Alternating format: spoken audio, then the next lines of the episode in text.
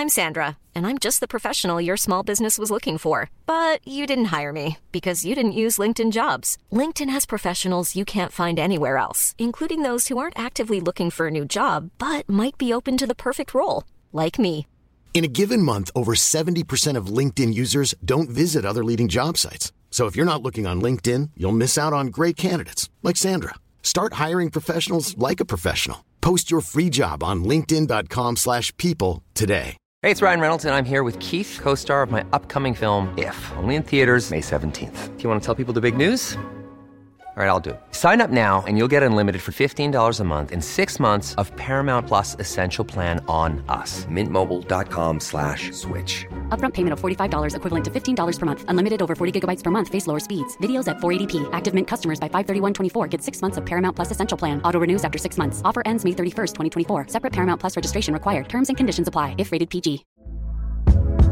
Hey there, it's Michelle Norris. I'm host of a podcast called Your Mama's Kitchen. When I travel, I'm usually looking for a way to find a taste of home when I'm not at home. And one of the things I love to do when I am at home is entertain. And Airbnb allows me to do that. When I was in California recently, I rented a house that had a great kitchen. And when we were sitting around the table, we're all thinking, we're in someone else's house. Someone could be in all of our homes as well.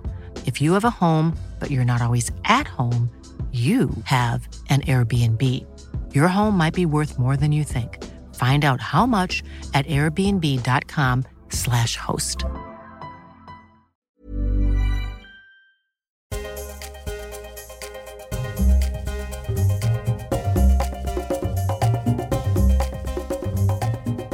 Jag har fått dyka i NASAs bassänger med astronauter som varit ute i rymden. Jag har fått 3D-printa, jag har eh, testat att sitta i självkörande bilar, jag har lärt mig flyga drönare, eh, programmera robotar. Ehm,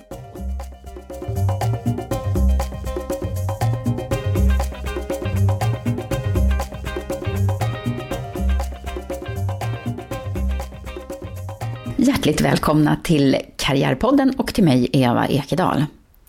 Det ska bli så kul att få hälsa min nya gäst välkommen, nämligen teknologstjärnan Claudia Olsson, som har ett så spännande CV så att det faktiskt nästan är svårt att återge, men jag ska göra ett försök. Claudia var en av de första svenska deltagarna i framtidsuniversitetet Singularity på NASA i Silicon Valley, där hon också senare jobbade som rådgivare.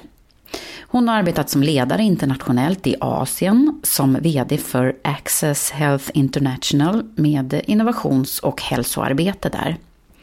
Under det senaste året har Claudia bland annat varit rådgivare till regeringen och hon driver två företag.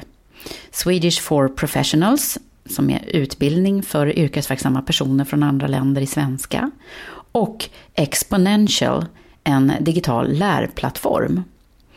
Hon är även engagerad i Global Challenges Foundation, där hon arbetar med att finna lösningar på globala utmaningar. Claudia har mängder med utnämningar, både i Sverige och internationellt. Bland annat Årets ledare i Sverige och framtida global ledare av Star Foundation i Kina. Ja, ni hör. En grymt imponerande utbildningslista också, med utbildning både på KTH och Handelshögskolan. Ja, det finns mycket mer att säga om den här tjejen så att häng med och lyssna nu. För nu eh, sätter vi igång. Nu kör vi!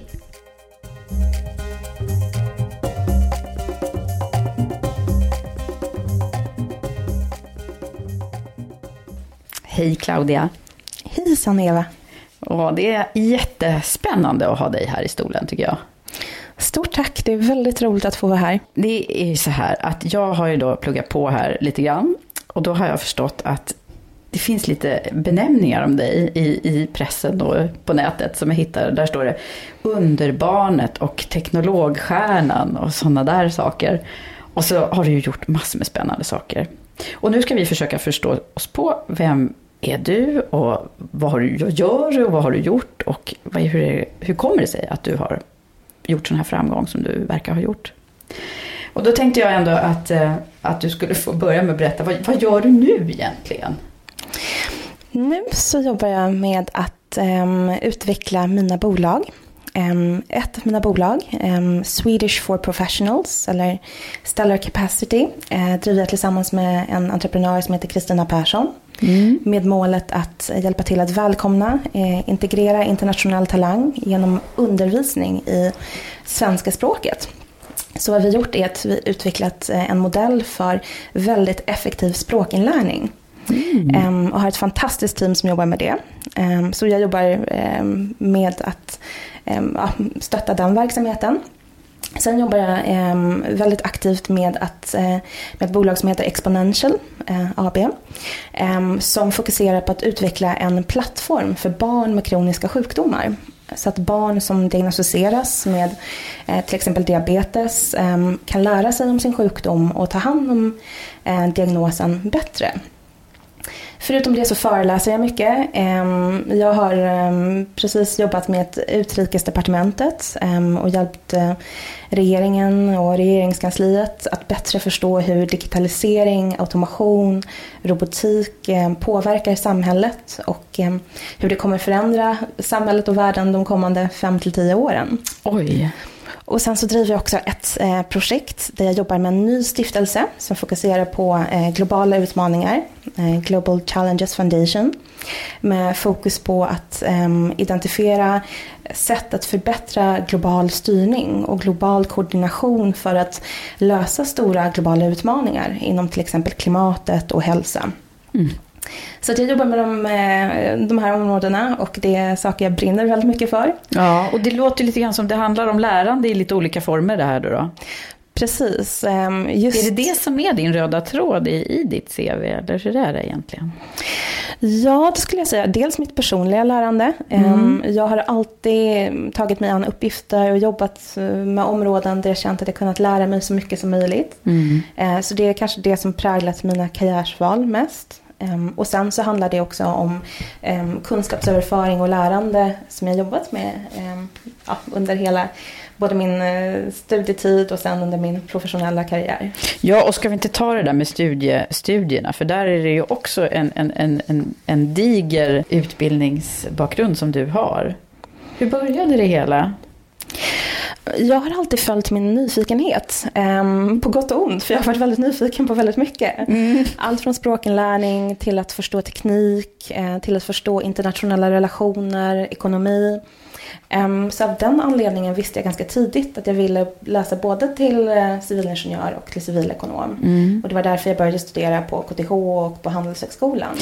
Körde du det här parallellt eller? Så jag var väldigt engagerad i många projekt under studietiden. Mm. Så att det var vissa perioder så var det parallellt eller till och med trippelt. Och vissa perioder så fokuserade jag mycket på um, de olika projekten och, och arbetena som jag hade. Så det varierade. Mm. Uh, men princip så studerade jag ekonomi och teknik eh, parallellt. Mm. Ehm, och sen så kombinerade jag det med utbyten också, bland annat till Tyskland och Frankrike och testade på att läsa i, i, ja, i andra länder. Mm. Också.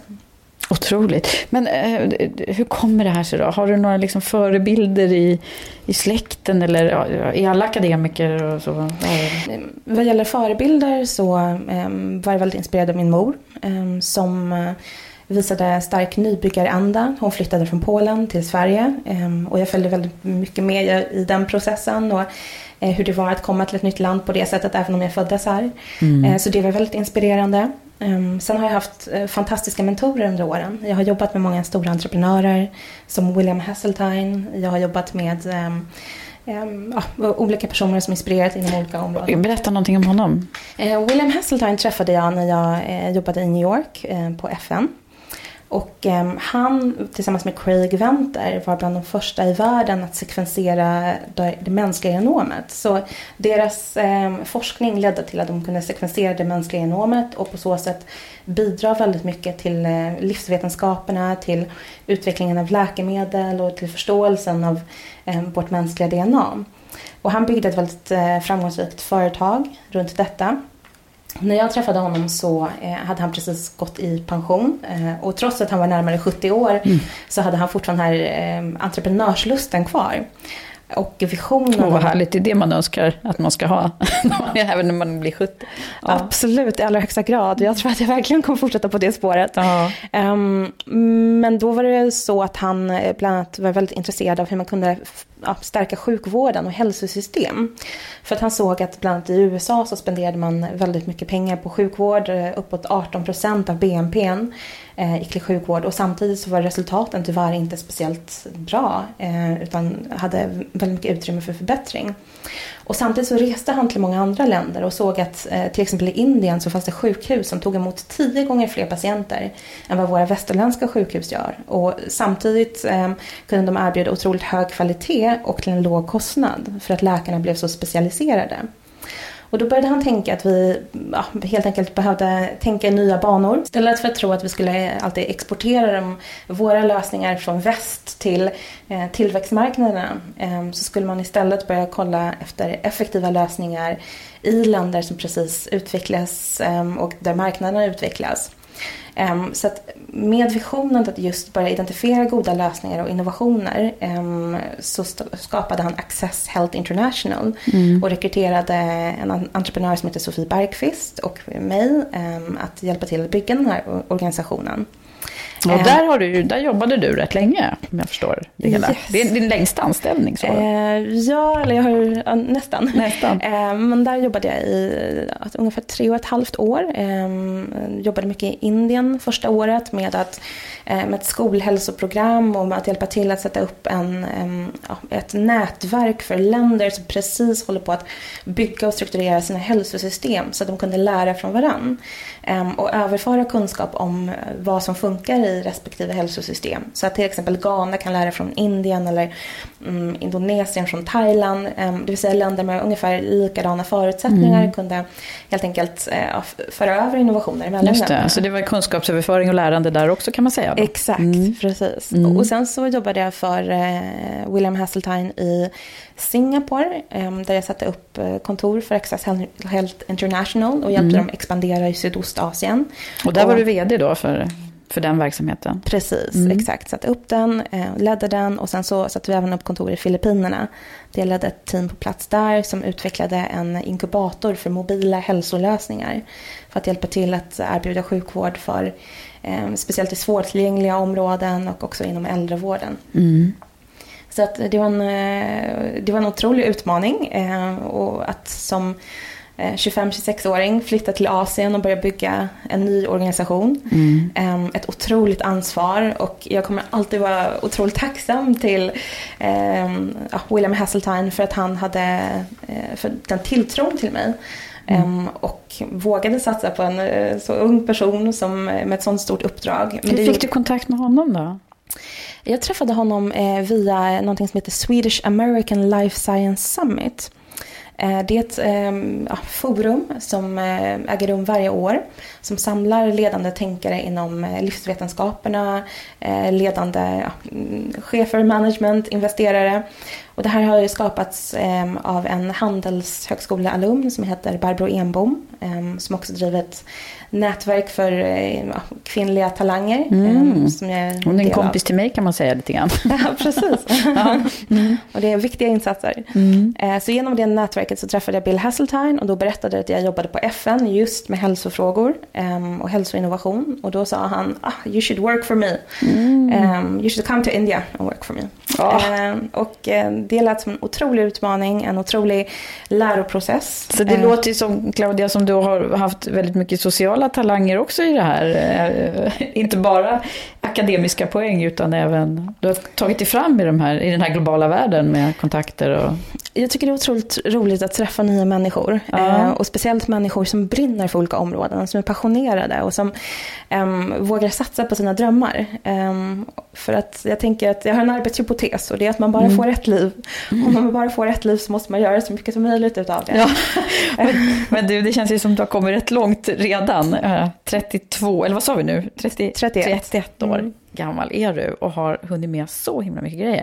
Jag läser ju också om den här andra spännande skolan som du har gått då, som eh, jag faktiskt inte hade hört talas om innan. Eh, Berätta lite om den, kopplat till NASA. Singularity University på NASA Ames i Silicon Valley. Ehm, det är en ehm, skola, ett universitet, eh, som fokuserar på den exponentiellt ehm, accelererande teknikutvecklingen det vill säga all teknisk utveckling inom artificiell intelligens, bioteknologi, nanotech, eh, biotech eh, som sker med ett sånt tempo att vi knappt förmår att förstå hur mycket det kommer påverka vårt samhälle framöver.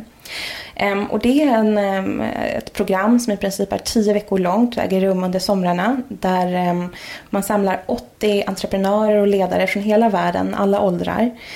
som byggt organisationer som redan bidragit mycket till samhällsutvecklingen. Och som under tio veckor får lära sig om den senaste tekniken. Men får testa på tekniken. Jag har fått dyka i NASAs bassänger med astronauter som varit ute i rymden. Har du? Jag har fått 3D-printa, jag har eh, testat att sitta i självkörande bilar. Jag har lärt mig flyga drönare, eh, programmera robotar. Ja.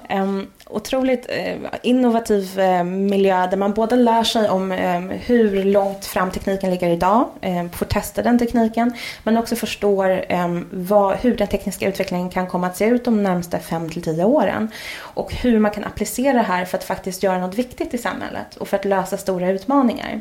Mm. Så jag läste om det här när jag såg det i ditt CV, att det, var det, det här man samlar de skarpaste hjärnorna i i världen.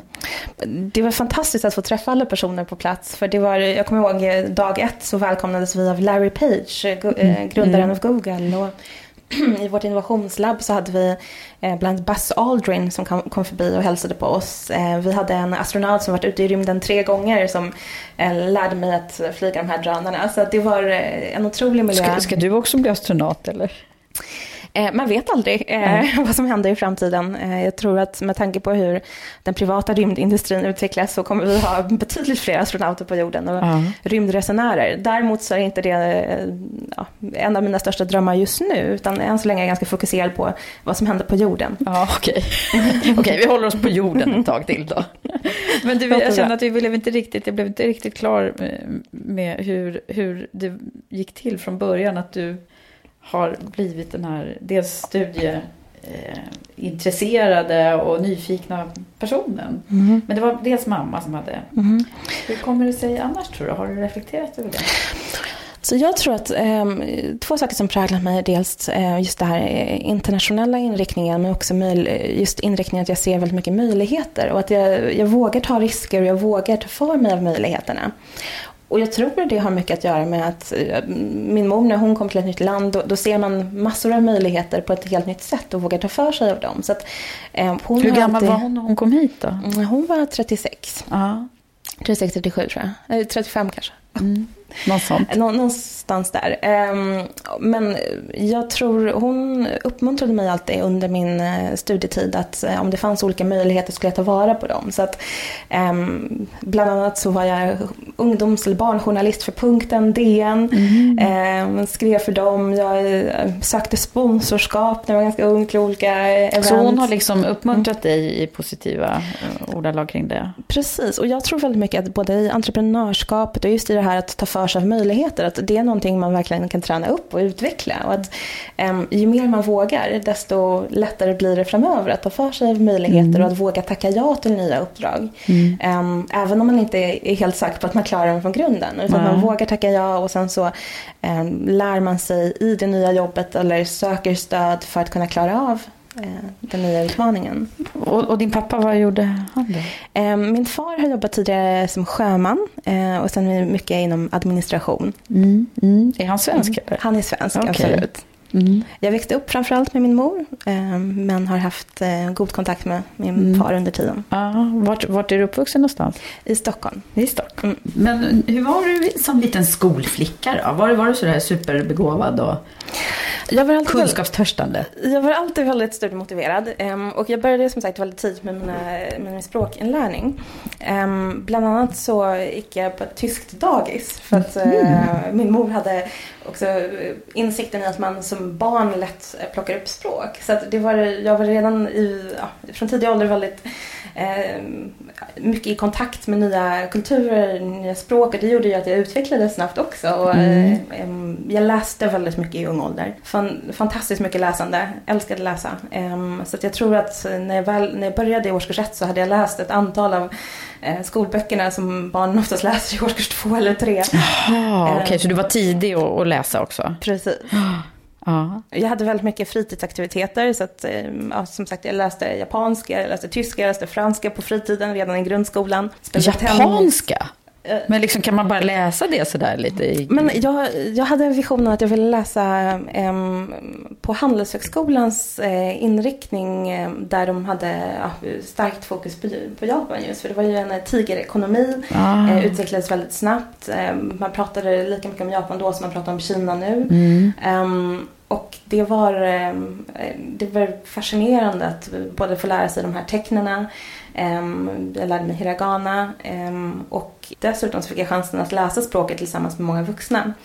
Um, och det var också en otroligt eh, inspirerande miljö att i, i den miljön sitta med personer som kanske var 35, 45 och som 12-åring mm. läsa språket.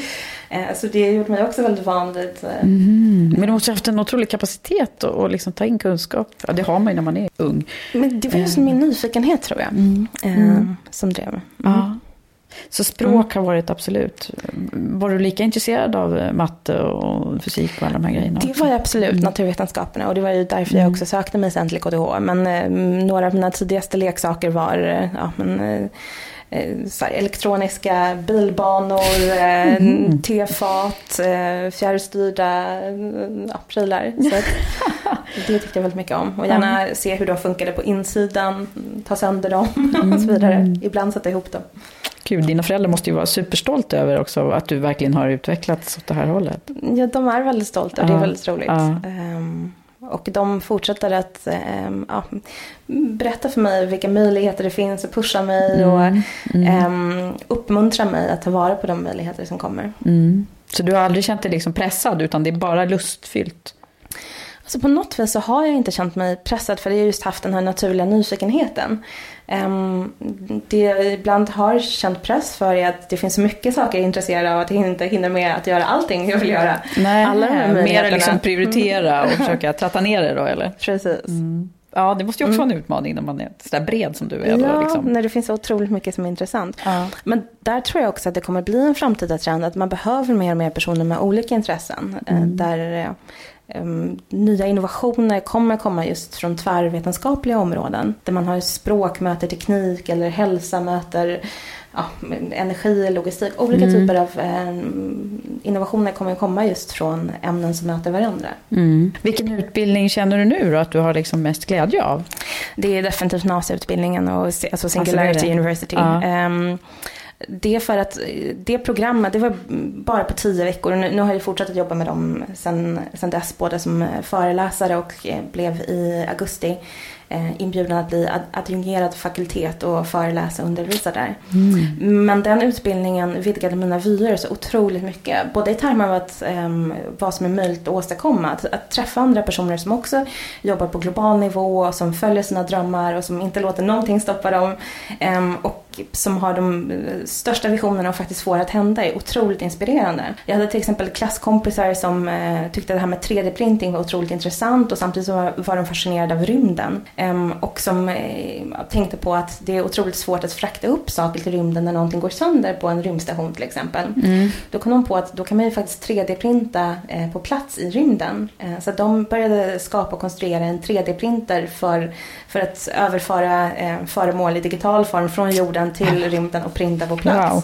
Och i höstas så lyckades de faktiskt installera en 3D-printer på ISS. Eh, mm. framgångsrikt. Så nu finns det? Alltså. Nu finns det. Och, och, det var en dröm de hade. Och i många sammanhang om man kommer med en sån dröm skulle folk säga att man är galen i princip eller att det är omöjligt. Men det här var en miljö där folk uppmuntrade varandras drömmar och eh, hjälpte varandra så att man faktiskt kunde följa sin passion och förverkliga mm. idéerna. Mm. Otroligt.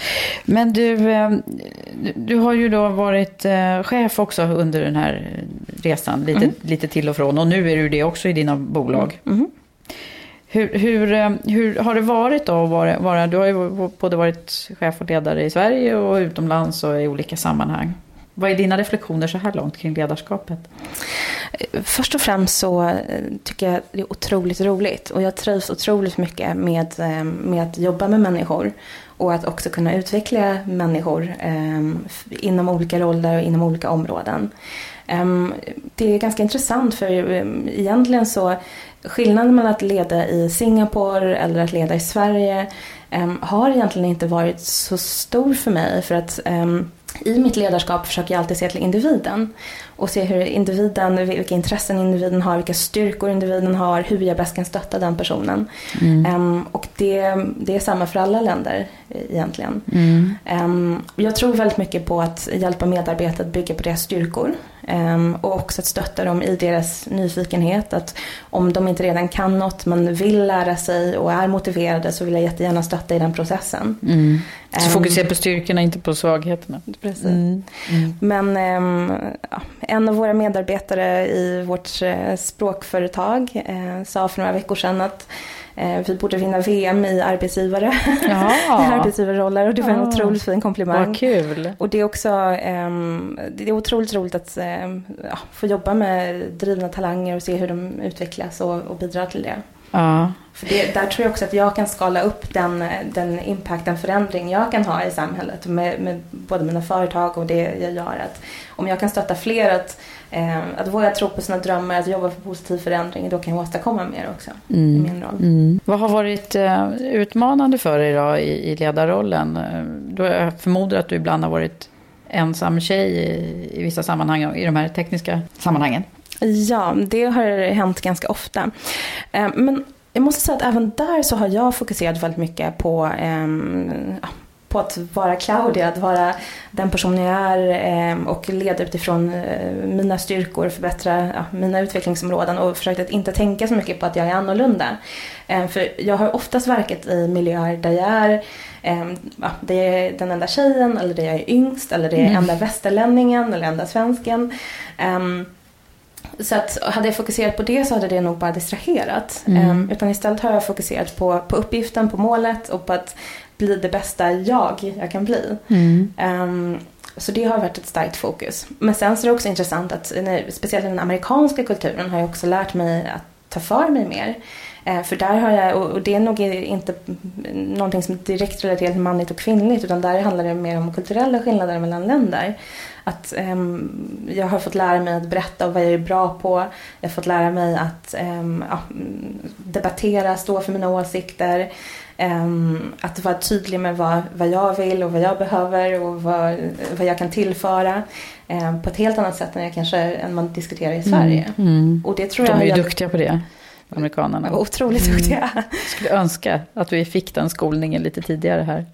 Och speciellt när man kommer till en miljö som Singularity University där det finns otroligt duktiga personer som, som har gjort otroligt mycket, eh, som är väldigt duktiga på att också berätta om sina erfarenheter och föra fram sina åsikter, så har det varit en eh, väldigt bra miljö för mig att också utveckla mm. de sidorna. Ja, det låter som du mm. växte väldigt mycket där då. Absolut. Mm. Vad, om man nu skulle prata om, om motsatsen när det har varit lite tuffare då, vad, vad, hittar du några stunder eller tillfällen som har varit lite mer utmanande för dig? Mm. Det finns det absolut. Och eh, för mig eh, som entreprenör eh, så man möter mindre motgångar hela tiden. På samma sätt som man också möter framgångar. Och det måste man på något sätt acceptera och, och vänja sig vid. Ehm, det är intressant för jag har en god vän som eh, gav ett exempel på att om man, eh, om man är en sån person som blir irriterad eller upprörd när eh, flyget är inställt. Mm. Eh, då kanske man inte ska söka sig till en entreprenöriell roll utan då kanske man ska ha en tryggare miljö. Men om man är en sån person som direkt ringer flygbolaget, bokar om och tar tag i uppgiften utan att ja, mm. bli upprörd. Då kanske man passar mest för just de här utmanande rollerna och för entreprenörskapet. Och jag är definitivt en sån person som direkt ringer flygbolaget och är flexibel. Ja, du är det. Ja. Ehm, så det är på det sättet jag också hanterar olika jobbiga situationer som kommer. Um, en av de jobbigaste situationerna jag tror jag hanterat i termer av um, karriärval och så, um, det var när jag hade jobbat med Access i ett par år, eh, just inom hälsoområdet och inom hälsopolicy. Och jag kände att jag saknade tekniken, jag saknade mer eh, ja, det innovativa området där man kunde se resultaten hända snabbare. Um, och det var... Eh, var det i Singapore då du var? Det var i Singapore, mm. precis. Mm. Och samtidigt så var det en organisation jag hade varit med och byggt upp och den betydde så otroligt mycket för mig. Alla personerna i organisationen betydde väldigt mycket. Så att just fatta det beslutet att jag ändå behövde vara eh, true to myself och, och, följa min, min egen bana och följa det som jag var intresserad av. Det är ett svårt beslut att lämna en sån organisation som man investerat så mycket i i termer av eh, ja, känslor, eh, långa timmar, eh, samarbete, alla personerna där. Så det mm. var, det var ett svårt beslut. Eh, men samtidigt så har jag alltid haft en ganska stark inre kompass över i vilket håll jag vill gå, vilka värderingar jag står för. Ehm, och min inre kompass sa mig att det var dags att söka mig mot eh, de områden jag var intresserad av, nyfiken av och, och dit jag ville gå. Och att det var dags att ta nästa steg. Mm. Men det var, en, det var en tuff process och det var också en process där jag eh, inte gick till ett nytt jobb direkt eller inte direkt startade. Du visste inte vad du skulle göra då? Jag visste inte vad jag skulle mm. göra utan jag eh, ja, sa upp mig och eh, bestämde mig för att eh, ge mig tiden och låta, eh, låta mitt intresse styra mm. nästa steg. Och vad, vad hände då? Jag, jag, hade först tänkt eh, resa lite i Asien för trots att jag bodde i Asien och jobbade mycket så, så hade jag inte liksom, lika, haft så mycket tid till nöjesresor under de här åren. Um, så att jag hann resa i Vietnam i ja, två veckor och sen efter det i princip så eh, hörde Singularity av sig eh, från ja, NASA. Aha, NASA. Um, och då eh, hörde de av sig och frågade om jag ville komma och eh, just undervisa och bli rådgivare till universitetet åtminstone under sommaren eh, just under det här programmet. Ehm, och då tänkte jag att det var en fantastisk chans att återanknyta till mitt stora intresse för tekniken och för eh, att få en uppdatering på det tekniska området. Så jag tackade ja och åkte då till eh, Singularity University i mm. Kalifornien. Så det var någon mening med det där då, eller hur, hur, ser du på det nu när du tittar på det? Jag tror att, eh, för att citera Steve Jobs, connecting the dots mm. afterwards, Um, det är svårt att uh, i stunden veta exakt uh, ja, vart um, det man gör just nu kommer leda. Men genom att just följa sin nyfikenhet och att just någonstans försöka förtydliga uh, sin inre kompass och, och, lita på att man, um, att man kommer hitta rätt så, så går det oftast bra. Och mm. sakerna hänger ihop efteråt. Ja. Om man följer sin ja, naturliga men det, nyfikenhet. Det är ju jätteklokt det där alltså. Jag tänker, jag tänker att alla har ju en kompass. Det är väl bara liksom frågan om hur, dels hur mycket man vågar lita på den och, och ja, få kontakt med den helt enkelt. Och mm. Våga släppa taget då kanske ibland. Mm. Ja, ja, modigt gjort.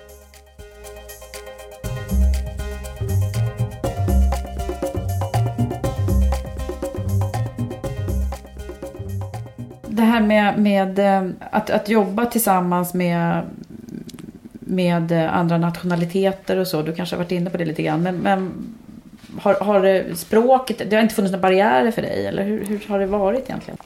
Alltså jag tror att i, i grunden är vi alla människor. Och alla människor, eh, om man förstår eh, människans drivkrafter och eh, motivation att lära, att förbättra, att eh, utvecklas.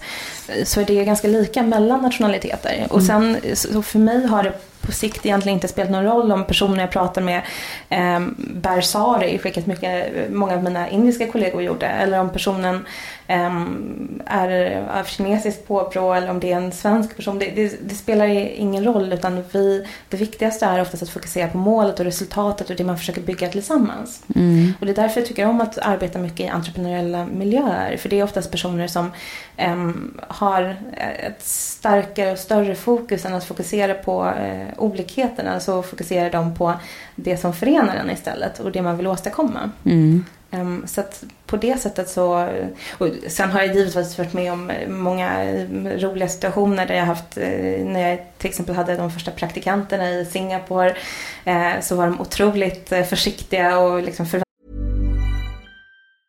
Many of us have those stubborn pounds that seem impossible to lose, no matter how good we eat or how hard we work out. My solution is PlushCare. PlushCare is a leading telehealth provider with doctors who are there for you day and night to partner with you in your weight loss journey. They can prescribe FDA-approved weight loss medications like Wagovi and zepound for those who qualify.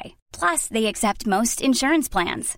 To get started, visit plushcare.com slash weight loss. That's plushcare.com slash weight loss. I'm Sandra, and I'm just the professional your small business was looking for. But you didn't hire me because you didn't use LinkedIn jobs. LinkedIn has professionals you can't find anywhere else, including those who aren't actively looking for a new job but might be open to the perfect role, like me.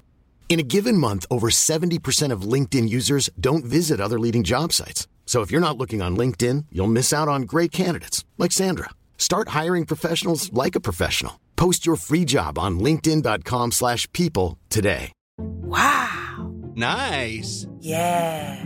What you're hearing are the sounds of people everywhere putting on Bombas socks, underwear, and t-shirts made from absurdly soft materials that feel like plush clouds. Yeah, that plush.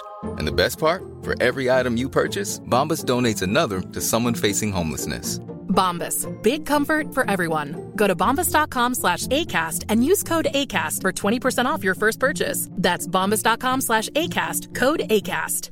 Hey, it's Ryan Reynolds, and I'm here with Keith, co star of my upcoming film, If, only in theaters, May 17th. Do you want to tell people the big news? All right, I'll do it. Sign up now and you'll get unlimited for $15 a month in six months of Paramount Plus Essential Plan on us. Mintmobile.com slash switch. Upfront payment of $45 equivalent to $15 per month. Unlimited over 40 gigabytes per month. Face lower speeds. Videos at 480p. Active Mint customers by 531.24 get six months of Paramount Plus Essential Plan. Auto renews after six months. Offer ends May 31st, 2024. Separate Paramount Plus registration required. Terms and conditions apply if rated PG. Hey there, it's Michelle Norris. I'm host of a podcast called Your Mama's Kitchen. When I travel, I'm usually looking for a way to find a taste of home when I'm not at home. And one of the things I love to do when I am at home is entertain. And Airbnb allows me to do that. When I was in California recently, I rented a house that had a great kitchen. And when we were sitting around the table, we we're all thinking, we're in someone else's house. Someone could be in all of our homes as well. If you have a home, but you're not always at home, you have an Airbnb. Your home might be worth more than you think. Find out how much at airbnb.com/slash host. Andas en otroligt hierarkisk miljö eh, där jag fick visa en annan typ av eh, arbetsklimat och mm. ja, mer öppen dialog. Och det Just var det. helt okej. Det blev det svenska ledarskapet där. Precis, Ja. exakt. Mm. Använder du det mycket, tror du? Om man nu kan prata om svenskt då. Jag tror absolut att mm, en del av, eh, av det som man brukar säga kännetecknar svenskt ledarskap i termer av öppen dialog och eh, att man lyssnar på alla medarbetare. Jag har tagit med mig det i mitt internationella arbete. Ja, Och det har, humana liksom. Precis, och att Mm. se på alla människor med ett lika värde. Det har varit väldigt viktigt för mig och det är också det ehm, som ja, jag anammat i alla roller. Och det, oavsett om jag har jobbat med otroligt framgångsrika eh, ja, globala entreprenörer, politiker, ledare eller om det varit ja, nyrekryterade 20-åringar som Mm, kom från mm. skolan på sin första praktik. Så tycker jag det, ja, alla har ett eh, lika värde, alla har otroligt stor potential och det är det jag försöker ta vara på i, Mm. i mina ledarroller. Mm, mm. Du, vad, vad, eh, jag kom på att det är en skola vi har glömt att prata om och det är den här fantastiska Raoul Wallenbergs Academy. Den gick du ganska tidigt då, eller Ja. när var det? Eh, Jag gick den 2001 och jag blir så glad att du frågar om den för den har Mm. betytt väldigt mycket för mig. Den har det, ja. Ehm, Mm. absolut. Raoul Wallenberg Academy ehm, startades ehm, bland annat av Raoul Wallenbergs syster Nina Lagergren ehm, med syftet att inspirera yngre generationer att eh, verka i Raoul Wallenbergs anda och att göra en skillnad genom sitt arbete. Ehm, och förstå att varje person kan göra skillnad. Så när jag var, jag tror jag var 15 eller 16 år i gymnasiet, eh, som vi var 21 personer som fick genomgå det första programmet. Ja, min- du var första kullen ut där. Precis, Mm. första kullen. Ja, min son har ju gått så jag, jag känner till det här lite. Ah, vad roligt. Ja. Mm. Det är ett fantastiskt program. Ehm, och det är ett program som just fokuserar på att ge redan unga ledare verktyg för att utveckla sitt eget ledarskap. Att kunna hantera eh, utmaningar eh, i olika former, att bättre ha förståelse för ens egna eh, styrkor och svagheter, att förstå hur man fungerar som ledare, hur man leder en grupp eh, varför olika personer behövs i en grupp och hur man sätter samman grupper, Mm. hur man åstadkommer olika resultat på bästa sätt och, och skapar motivation tillsammans. Mm och när jag hade genomgått den här utbildningen så eh, fortsatte jag att sprida det här budskapet vidare. Dels genom att arrangera ja, internutbildning på, på vårt gymnasium. Eh, dels genom att åka ut till en del skolor i landet och föreläsa om det goda ledarskapet. Eh, och jag har haft med mig mycket av tankarna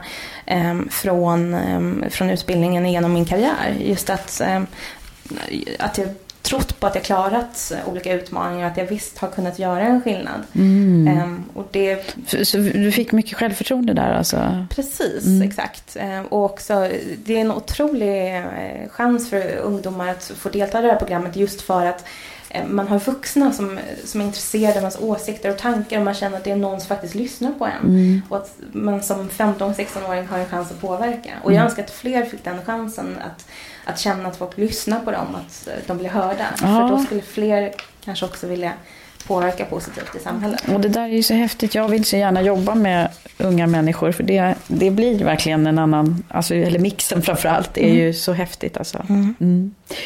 Du, eh, sen så måste vi ju faktiskt gå igenom lite grann med alla dina fina utmärkelser. Det är ju, jag, jag kan liksom inte ens välja vilka vi ska prata om. Men, men eh, du, vilken, vilken är du mest stolt över? Eller vilka kanske man ska säga? Jag är dels stolt över de eh, två som jag fick i Sverige, de två stora.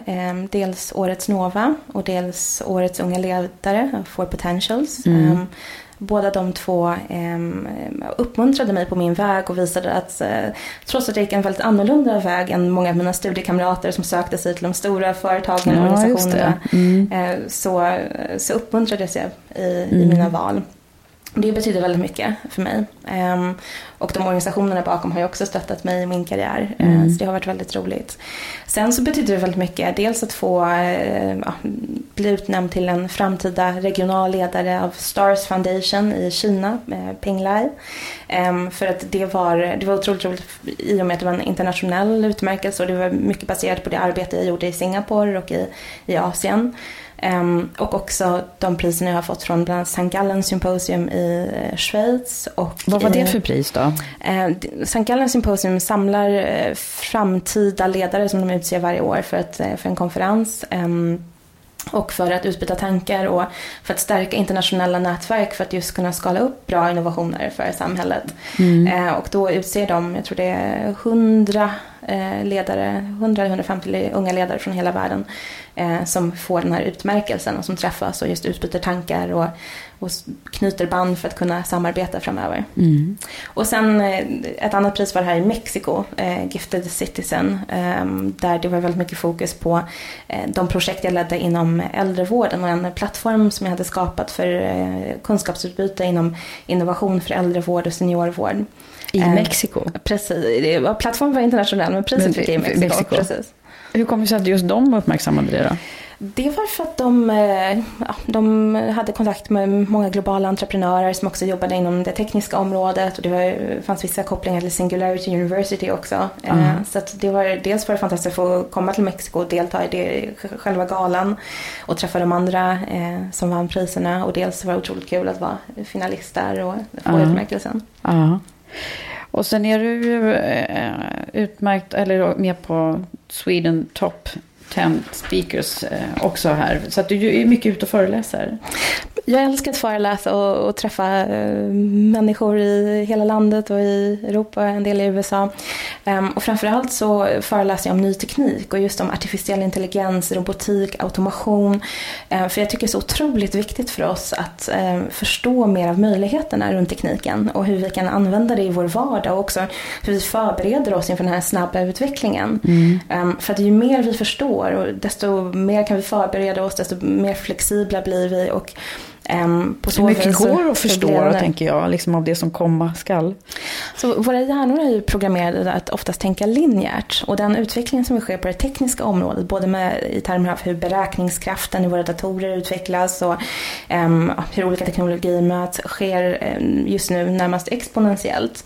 Och det innebär att det, det är svårt för oss att tänka, på hur, tänka oss hur världen kommer se ut om 5-10 år. För, för 5-10 år sedan hade vi svårt att föreställa oss att vi idag skulle ha våra smarta smarta mobiler vi har mer beräkningskraft i en, en mobil än vad personer hade för att genomföra en rymdresa för ett antal 20-30 år sedan. Um, så att den eh, utvecklingen går väldigt snabbt och det kommer innebära att vi får mycket större möjligheter men också att våra arbetsroller förändras, vår vardag. Um, och om vi förstår det här så kan vi vara med och bygga det här. Um, det är ganska intressant för att i höstas så jobbade jag bland annat med eh, Utrikesdepartementet eh, och genomförde en studieresa till Sydkorea. Där Sydkorea ser robotiken och automationen som eh, något väldigt positivt. För de ser att om några år så kommer maskiner kunna ta över fler och fler av de uppgifter som vi tycker är tråkiga eller som är ja, svåra att genomföra eller som sliter på människan.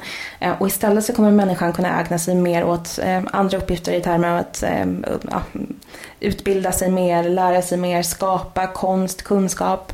Um, och det är så intressant för de investerar verkligen i att robotiken ska bli en tillväxtmotor. Bland annat så har de eh, satt in eh, robotlärare, små robotar som undervisar på mer än 2000 dagis och förskolor för att fler ska vänja sig vid den här tekniken. Ja. Och, och, det är en ganska stark kontrast mot mycket av den debatt som sker just nu ja, i både det. USA och i, i väst, i Sverige. Mm. Man pratar om att robotarna tar våra jobb. Um, och jag är helt med och inne på det spåret att det är klart att digitaliseringen digitalisering kommer påverka våra jobb och kommer ersätta många jobb.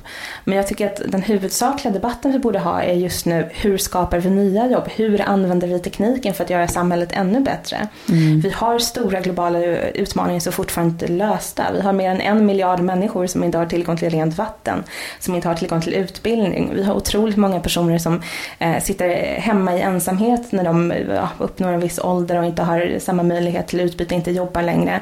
Vi lever längre och längre och fler och fler kommer leva i ensamhet i, under äldre dagar. Vi har ett klimat som hotas och stora miljöproblem. Genom teknikens hjälp så kan vi lösa de här utmaningarna och skapa jobb inom det området. Så jag tycker att debatten borde fokusera just på hur vi skapar jobb mm. snarare än eh, att försöka bromsa utvecklingen eller diskutera hur jobben ersätts. Mm. Okej, okay. och, och den här tog regeringen fasta på också, den utredningen som du hade gjort? Det gjorde de eh, mm. och arbetar aktivt med frågorna. Mm. Mm. Ja, härligt. Mycket framtid över dig, Claudia. jag, jag, tror på en positiv och ja, ljus framtid. Om ja, vi ja. använder alla de möjligheter vi har. Precis. Men om man skulle titta lite mer på, på dig som person då. Jag sitter och tänker lite så här också under tiden vi pratar. Men vad gör hon när hon inte är på jobbet och liksom Eh, eller läser böcker eller finns det en liksom privat Claudia eller hur? Det finns en privat Claudia men den privata Claudia och den professionella Claudia eh, smälter samman ofta därför att jag försöker jobba med det jag tycker är roligt. Så mm. det privata Claudia tycker jag är roligt -huh. och just nu så jobbar jag med saker jag tycker är fantastiskt roliga. Um, och så det här med familj och sådär, hur, hur resonerar du kring det? Men det vill jag gärna uh, skaffa framöver. Ja, okay. uh, men än så länge har du inte hunnit med det? Än så länge har jag inte hunnit med det, men framöver vill jag gärna skaffa ja. familj. Ja. Um, och på fritiden så är jag också en upptäcktsresande kan man säga och en, en person som är väldigt nyfiken. Så jag älskar att resa till nya ställen um, och när jag kommer till nya ställen så är jag den typen av person som gärna vill besöka men de, eh, de sevärdheter man borde se. Jag vill jättegärna träffa lokalbefolkningen, jag vill jättegärna delta i um, lokala aktiviteter. För, till exempel för en vecka sedan så var jag i Dubai för första gången och hälsade mm. på uh, en god vän.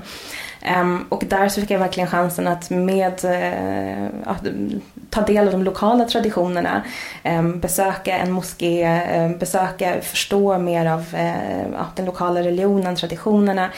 Um, och det tyckte jag var otroligt intressant och utvecklande för mig som person. Så mm. att, på samma sätt som att jag ja, försöker lära mig så mycket som möjligt i jobbet så gör jag också det på fritiden. Okej, okay. Ehm, det är ditt lärande där också. ja, häftigt. Men om vi nu pratar om lärande så tänker jag också, vad är det för eh, lärdomar då, som du har hittills då i din karriär och, och yrkesverksamma liv, eller ja, även under studietiden. Vad är det för, för viktiga grejer som du har som du har plockat upp? Eh, stor fråga. Mm. Ehm, givetvis så finns det ju lärdomar om hur samhället fungerar, globalisering, teknologi. Ehm, men om man istället tänker på... Jag tänker mer personliga om, mm. lärdomar mm. sådär. Mm. Men en sak som jag har lärt mig är att, att våga. Eh, mm. Att våga ta för mig. Mm. Eh, och att våga ta mig an nya utmaningar. Att om det känns läskigt, eh, om jag får eh, en förfrågan så ska jag ändå ehm, ta mig an den för att utvecklas som person. Mm. Ehm, så att det har varit en lärdom och det, jag har vunnit väldigt mycket på att våga genom åren. Mm. Var du inte lika liksom, modig från, från tidiga åren? Men från de tidigaste åren så tyckte jag mest om att sitta på mitt rum och läsa böcker. Okej, okay. ja, du var inte lika utåtriktad då? Ja. Eh, kanske inte lika utåtriktad utan det är något som utvecklats under åren. Mm. Eh, och eh, genom att våga ta för mig och lära mig så har det eh, bidragit väldigt mycket till mig. Våga ta risker också. Mm. Eh, planerade risker och, och, och, försiktiga risker men ändå risker mm. eh, när jag lärt mig om världen. Um, en lärdom har varit att lyssna på min intuition. Uh, mm. Och som sagt den inre kompassen som mm. vi diskuterade. Mm. Um, att någonstans när jag kommer inför vägval alltid försöka fundera på uh, vad jag skulle bli mest nöjd med långsiktigt och stolt över långsiktigt. Och när jag ser tillbaka på mitt liv, vad vill jag känna att jag har åstadkommit och gjort och vem vill jag känna att jag har varit under livet mm. och vad jag har stått för. Ja, du klarar av att tänka sådär lite. Hinner du reflektera jag försöker mm. och eh, jag tycker det är viktigt att göra det. Och jag har väldigt goda vänner som jag gärna diskuterar värderingar med och, och, och inriktning. Mm. Um, och det hjälper mig att fatta bättre beslut tror jag. Mm. Eh, men också att jag gärna söker kunskap från olika personer med olika bakgrunder. Så att eh, jag har några av mina mentorer är ja, över 70 år och har haft en fantastisk livsresa och det är väldigt bra personer att bolla med. Och sen ibland så är det bättre att prata med någon som är 19 år och som mm. ser på världen på ett helt annat sätt. Så att jag mm. försöker vara öppen för de intryck och ja, mm. erfarenheter jag får. Sen eh, en lärdom är att följa nyfikenheten. Att, att eh, om man känner att någonting är intressant och passionerat så man ska inte vara rädd heller för att byta inriktning. Ehm, för att, ehm, liksom, Känner du att du har gjort det? Um, inte på lång sikt, för på lång sikt så vet jag uh, att vad jag vill arbeta med är att skapa positiv samhällsförändring och, och så. Men um, när man utvecklas och lär sig um, på vägen om om det är ny teknik eller om ett nytt land eller man träffar nya personer. De intryck man får, det är bra om man låter dem påverka en också. Mm. Um, för att det vore ju tråkigt om ens hela liv styrdes utifrån de beslut man fattade som 17 eller 18-åring. ja. Utan det är bra att man uppdaterar uh, och funderar på i vilken riktning man vill Just gå. Just det, man får jobba lite agilt där. Precis.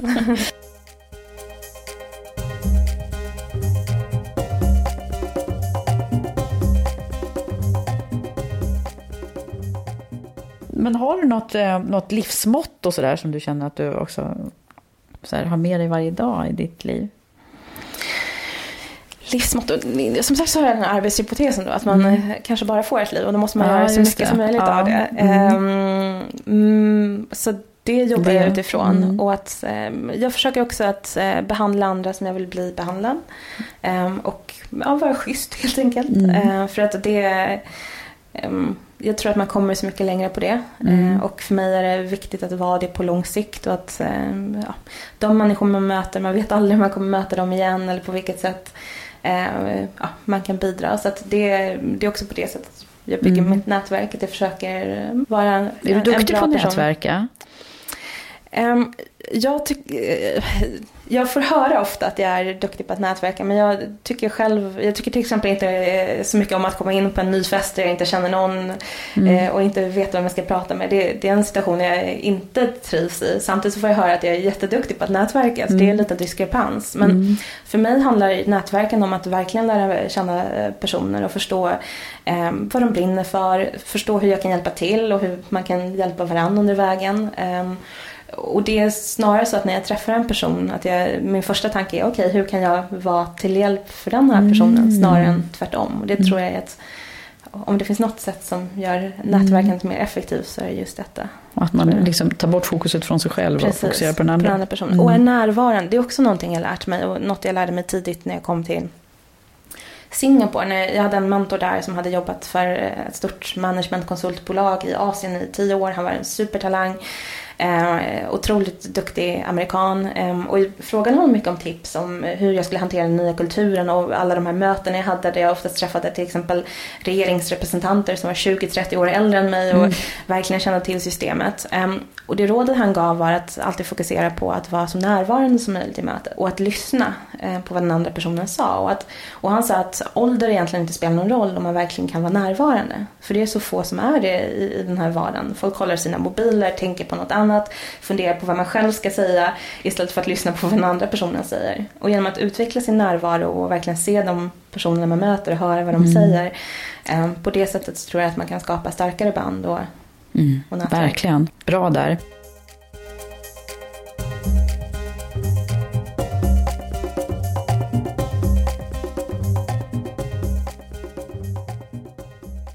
Ja, men nu ska ju du få en, en, eh, den här skicka vidare-frågan som jag har börjat med. Och eh, då kommer den ifrån min förra gäst i podden som då var Darja Isaksson från Siggy. Mm. Och hon är ju nästan lite så här eh, parallell med dig kan jag känna. Ni har, ni har några gemensamma nämnare. Eh, och hon visste ju inte att hon skulle ställa den här frågan till dig. Men det, det gör hon och den låter så här ungefär. Eh, jag har försökt få ner den ordagrant. Ehm, hon pratade ju mycket om, om förändringstakten i samhället och att det, att det går allt snabbare. Så att hon sa så här, om vi utgår ifrån att vi är överens om att förändringstakten ökar hela tiden, både i samhället och därmed i organisationerna. Vad betyder då det för dig i ditt ledarskap och, eh, och vad betyder det för dig generellt sett? Har du några smarta verktyg eller har du ändrat någonting för att liksom hänga med i det här? Mm. Otroligt bra fråga eh, från en fantastiskt duktig person mm. inom området. Eh, det är en eh, fråga som jag arbetar med kontinuerligt eh, i termer av hur mitt ledarskap, ehm, våra organisationer ska kunna anpassa sig till den här ständigt föränderliga ehm, vardagen och omvärlden. En sak som jag tycker är väldigt viktig i det här är att vara öppen eh, för nya influenser. Um, och att våga ställa sig frågan, är vi inne på rätt bana? Gör vi rätt saker? Vad kommer härnäst? Och också um, i detta, när man kollar på vad som kommer härnäst och förstår ny teknologi och förstår de nya trenderna, um, försöka vara de som faktiskt vågar ta steg, steget och anamma de här nya metoderna och teknikerna. Uh, inte vänta ut andra utan att faktiskt våga testa. Våga, våga gå före eller? Våga gå före, mm. precis. Och, jag tror att det, de personer och organisationer som vågar gå före kommer också vara framtidens vinnare så att säga. Mm. Um, att man inte bara väntar ut det som händer utan att man vågar experimentera sig fram. Ehm, och det innebär att man eh, mycket snabbare behöver få eh, ja, återkoppling eh, och att man mycket snabbare behöver ehm, ja, formulera sina tankar och sina ehm, kanske produkter eller servicekoncept och sen få in återkoppling från det från andra personer för att se hur man kan utveckla det vidare. Jag tror att vi har gått ifrån den tid där man kunde sitta på sin kammare eller på sitt kontor i flera månader eller år och utveckla någonting för att sen lansera det efter två eller tre år. Utan för att nu eh, vara med i den snabbt föränderliga tiden så gäller det att så snart som möjligt utveckla en idé, en minimum viable product som man brukar prata om i Silicon Valley, det vill säga mm, eh, minsta genomförbara produkt eller minsta livskraftiga produkt som man kan lansera Eh, och sen, eller idé, och sen gå ut och få input på den så man kan göra den ännu bättre. Ehm, och det finns ju olika sätt att göra det. kan vara genom att prata med eh, medarbetare, prata med konkurrenter, prata med ehm, ja, personer, vänner, andra ja, aktörer inom området. Men det kan också vara att man använder internet till hjälp och postar idéer på öppna plattformar. Um, ser ifall det finns intresse för att till exempel förköpa nya produkter och service via plattformar som Kickstarter eller Funded by Me. Mm. Um, så att man mycket snabbare får respons på sina idéer, um, produkter och service som företag eller organisation till exempel. Som ledare... Gör företag det här idag? Um, fler och fler företag gör det. Men jag tror att det är fortfarande ett nytt fenomen för större företag och företag som existerat en längre tid. Um, för det finns väldigt många företag som blivit väldigt specialiserade och duktiga inom vissa områden och verkligen tror att de har en ledande ställning idag och därför kommer de ha en ledande ställning imorgon. Mm. Och tyvärr, eller som tur, beroende på hur man ser det, mm. är inte så fallet. Utan vi ser att stora industrier förändras på fyra fem år. Om man ser på den effekten Google har haft på samhället, Facebook har haft på samhället. Om vi ser på hur Airbnb eller Uber mm. förändrar hotellbranschen eller bilbranschen där de stora hotellkedjorna för fem sex år sedan inte hade kunnat drömma om att deras största konkurrent skulle vara liksom grannen i, i stugan eller lägenheten i huset bredvid. Um, det, den utvecklingen sker så pass snabbt. Eh, Mm. Så det är viktigt också att inte tro att man har lösningen och bara för att man är duktig idag kommer man vara duktig imorgon. Utan just den här utvecklingen och det här lärandet som vi pratat om. Mm. Är så otroligt viktigt framöver också. Mm. Eh, Så jag jobbar väldigt mycket med, eh, med mina medarbetare och med mig själv. Att kontinuerligt försöka eh, utveckla min, min kunskap, mitt kunnande. eh, Läsa andras tankar och utveckla lärandet hela tiden. Eh, Och det tror jag är ett väldigt viktigt verktyg för att kunna hantera den här snabba samhällsförändringen. Mm, mm. Gör du någonting liksom personligen också? Personligen så handlar det, jag håller mig väldigt uppdaterad angående teknisk utveckling. Mm. Genom nätverket runt Singularity och alla andra mm, spännande entreprenörer och innovatörer jag träffar så får jag en konstant ström och input av den absolut senaste teknologin. Och just då cutting edge, hur långt har vi kommit med 3D-printing av organ idag? Hur långt, um, hur länge kan en drönare flyga med vilken batteritid och vilken last? All den typen av innovation, hur långt vi kommit är någonting som jag håller mig uppdaterad om eh, dagligen. Eh, genom mina nätverk. Så det är ett råd du har också? Att man, att man ska hålla sig uppdaterad? att man följer med. Mm. Ehm, och och det, ja, det är otroligt intressant och inspirerande också att se Mm. vilka möjligheter som finns. Mm. Men sen så gör jag också så att jag försöker finna utrymme i vardagen att också tänka.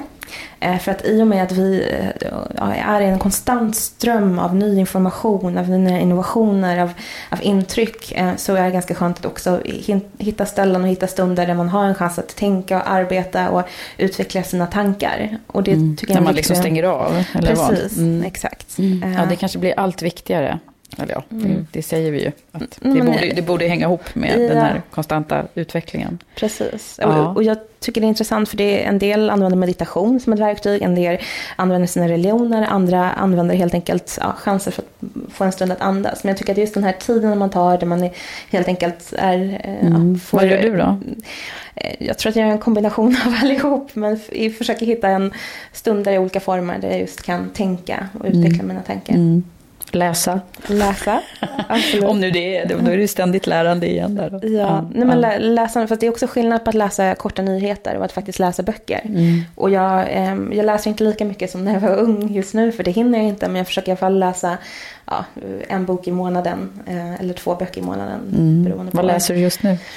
Ehm, just nu läser jag eh, en bok som heter, eh, jag tror det heter The Hard eh, Thing About Hard Things. Och det är en entreprenörsbok av Ben Horowitz som eh, just handlar om Silicon Valley-kulturen och just eh, ja, utmaningar som entreprenör. Mm. Hur hanterar man motgångar och hur, eh, för, för ofta så får man höra väldigt mycket solskenshistorier och allt som är så positivt och går så eh, snabbt framåt. Men man förstår inte hur mycket arbete som ligger bakom och hur man övervinner motgångarna. Och det är ganska viktigt att kunna sätta sig in i det också och se hur andra analyserat det i, Mm. i sitt arbete för Mm. att ta med sig det.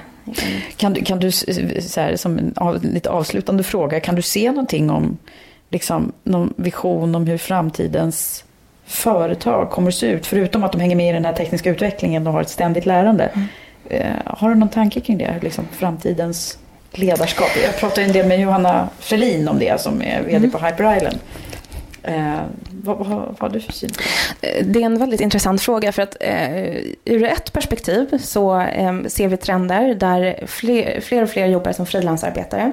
Det växer fram plattformar som Elance, Odesk där personer eh, inte behöver ha en fast arbetsgivare utan loggar in på datorn och eh, arbetar mot arbetsuppgifter, till exempel Mechanical Turk, Amazon också, eh, där man kan arbeta med allehanda eh, olika eh, frilansuppgifter, allt från marknadsundersökningar, design, Ehm, olika typer av kommunikationsuppgifter via sin dator. Så man behöver inte ha en fast arbetsgivare utan man jobbar mot datorn direkt. Och det finns otroligt många sådana arbetsuppgifter på de här plattformarna. Så man skulle i princip på heltid kunna jobba som frilansare och fler och fler väljer att göra det. Mm, tror du att det, det ligger lite i tiden att det kommer bli så? Och, och det är mycket möjligt att fler företag också kommer använda de här frilansarna som en stor eh, kunskaps och arbetsbas. Eh, på så sätt att när man har ett behov så behöver man inte anställa någon utan då jobbar man med frilansare. Och, och sen finns det ju många som sätter sig emot det också. Eh, så, så det är en stor trend där vi ser den här frilansekonomin som växer. Man pratar om digitala nomader som inte ens behöver bo på ett fast ställe utan de kan röra sig mellan länder och jobba med internet som, som mm. främsta bas. Um, men samtidigt så har vi också en annan trend där man ser att företagen får en allt större roll i personers liv. Om man kollar på företag som till exempel Google eller Facebook eller um, Amazon. De jobbar otroligt mycket med att försöka skapa ett helt ekosystem runt medarbetaren. Så att medarbetaren kan lämna in sina barn på dagis på jobbet. Um, att man tränar på jobbet. Att man uh, har sina hobbys på jobbet. Träslöjd, sy, alltså, ja, mm. olika typer av workshops. Um, att jobbet också är ansvarig för sjukförsäkring i en del länder, för pensionsförsäkring. Att det blir um, ett ställe dit man, ja, man jobbar en längre tid och där de tar hand om alla ens behov så att man i princip ska vara på jobbet så mycket som möjligt. Så det är de här två, mm. två stora trenderna man kan se. Där å ena sidan har vi frilansekonomin där personer är helt frikopplade från sina jobb och så har man en annan trend ja, där personer... det känns lite så motsägelsefullt. Ska ja, man behöva välja spår liksom? Ja, eller att man rör sig mellan på det på sikt. Men, ja. eh, men det kommer vara intressant att se hur det, hur det utvecklas. Och sen ser vi också att många av de största företagen också diversifierar sig och expanderar in i andra områden. När jag var i Eh, Sydkorea så var det ganska intressant att se hur de här jättarna, Hyundai, eh, Samsung till exempel, de hade eh, diversifierat sig. Man kunde köpa shampoo från, med deras varumärke på. Man kunde gå till bagaren med deras varumärke. För oss är det ju, säljer de ju framförallt elektroniska. Ja. Eh, shampoo med Samsung, det känns lite konstigt. Men, ja, men, men det är den typen där de diversifierar sig. Det är fortfarande stor, storföretag som jobbar inom olika områden. Um, och då kan man på något sätt vara lojal mot företaget även om man byter bransch och karriär helt och hållet. Så det är ganska mm. intressant. Uh, Google till exempel investerar i väldigt många olika tekniska områden. Så att uh, om man är intresserad av robotik eller om man vill jobba med hälsa. Eller, det finns otroligt många olika plattformar inom mm. företaget. Så att teoretiskt sett så behöver man inte lämna det även om man vill byta spår helt och hållet. Um, så det kommer bli intressant att se framöver hur de trenderna utvecklas mm. jämte varandra.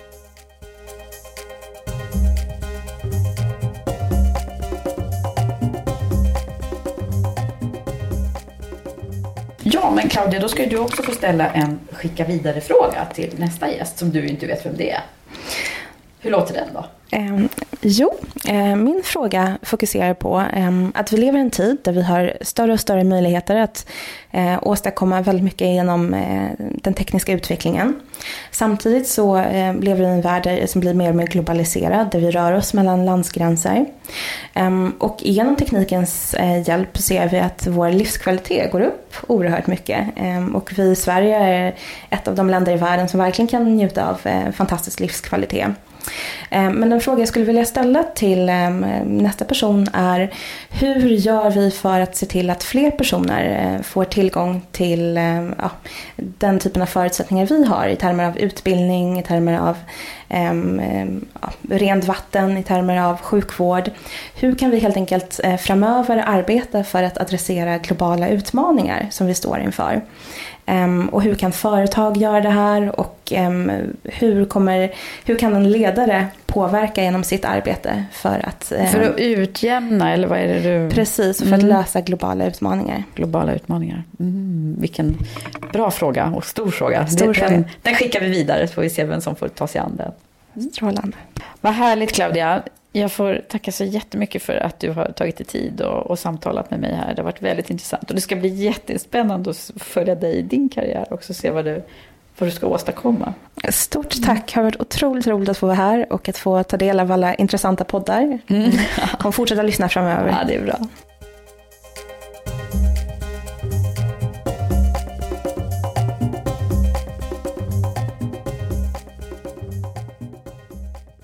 Sitter jag här och försöker ta in vårt samtal i efterhand.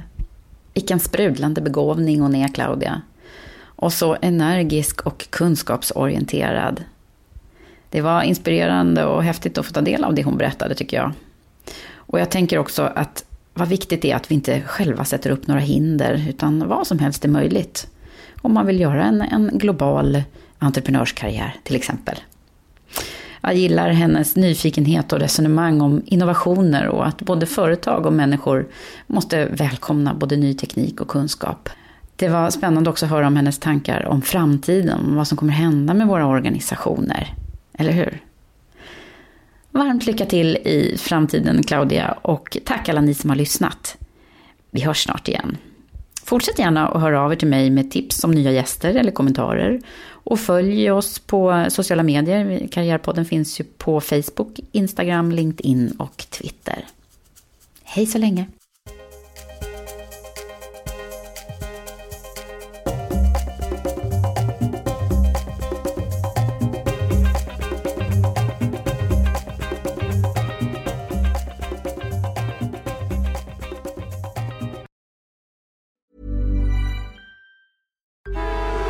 Traffic jams, tailgating, pileups.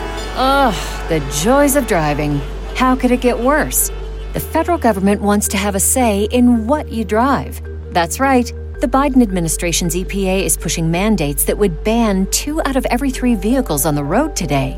Don't let Washington become your backseat driver. Protect the freedom of driving your way. Visit EnergyCitizens.org. Paid for by the American Petroleum Institute.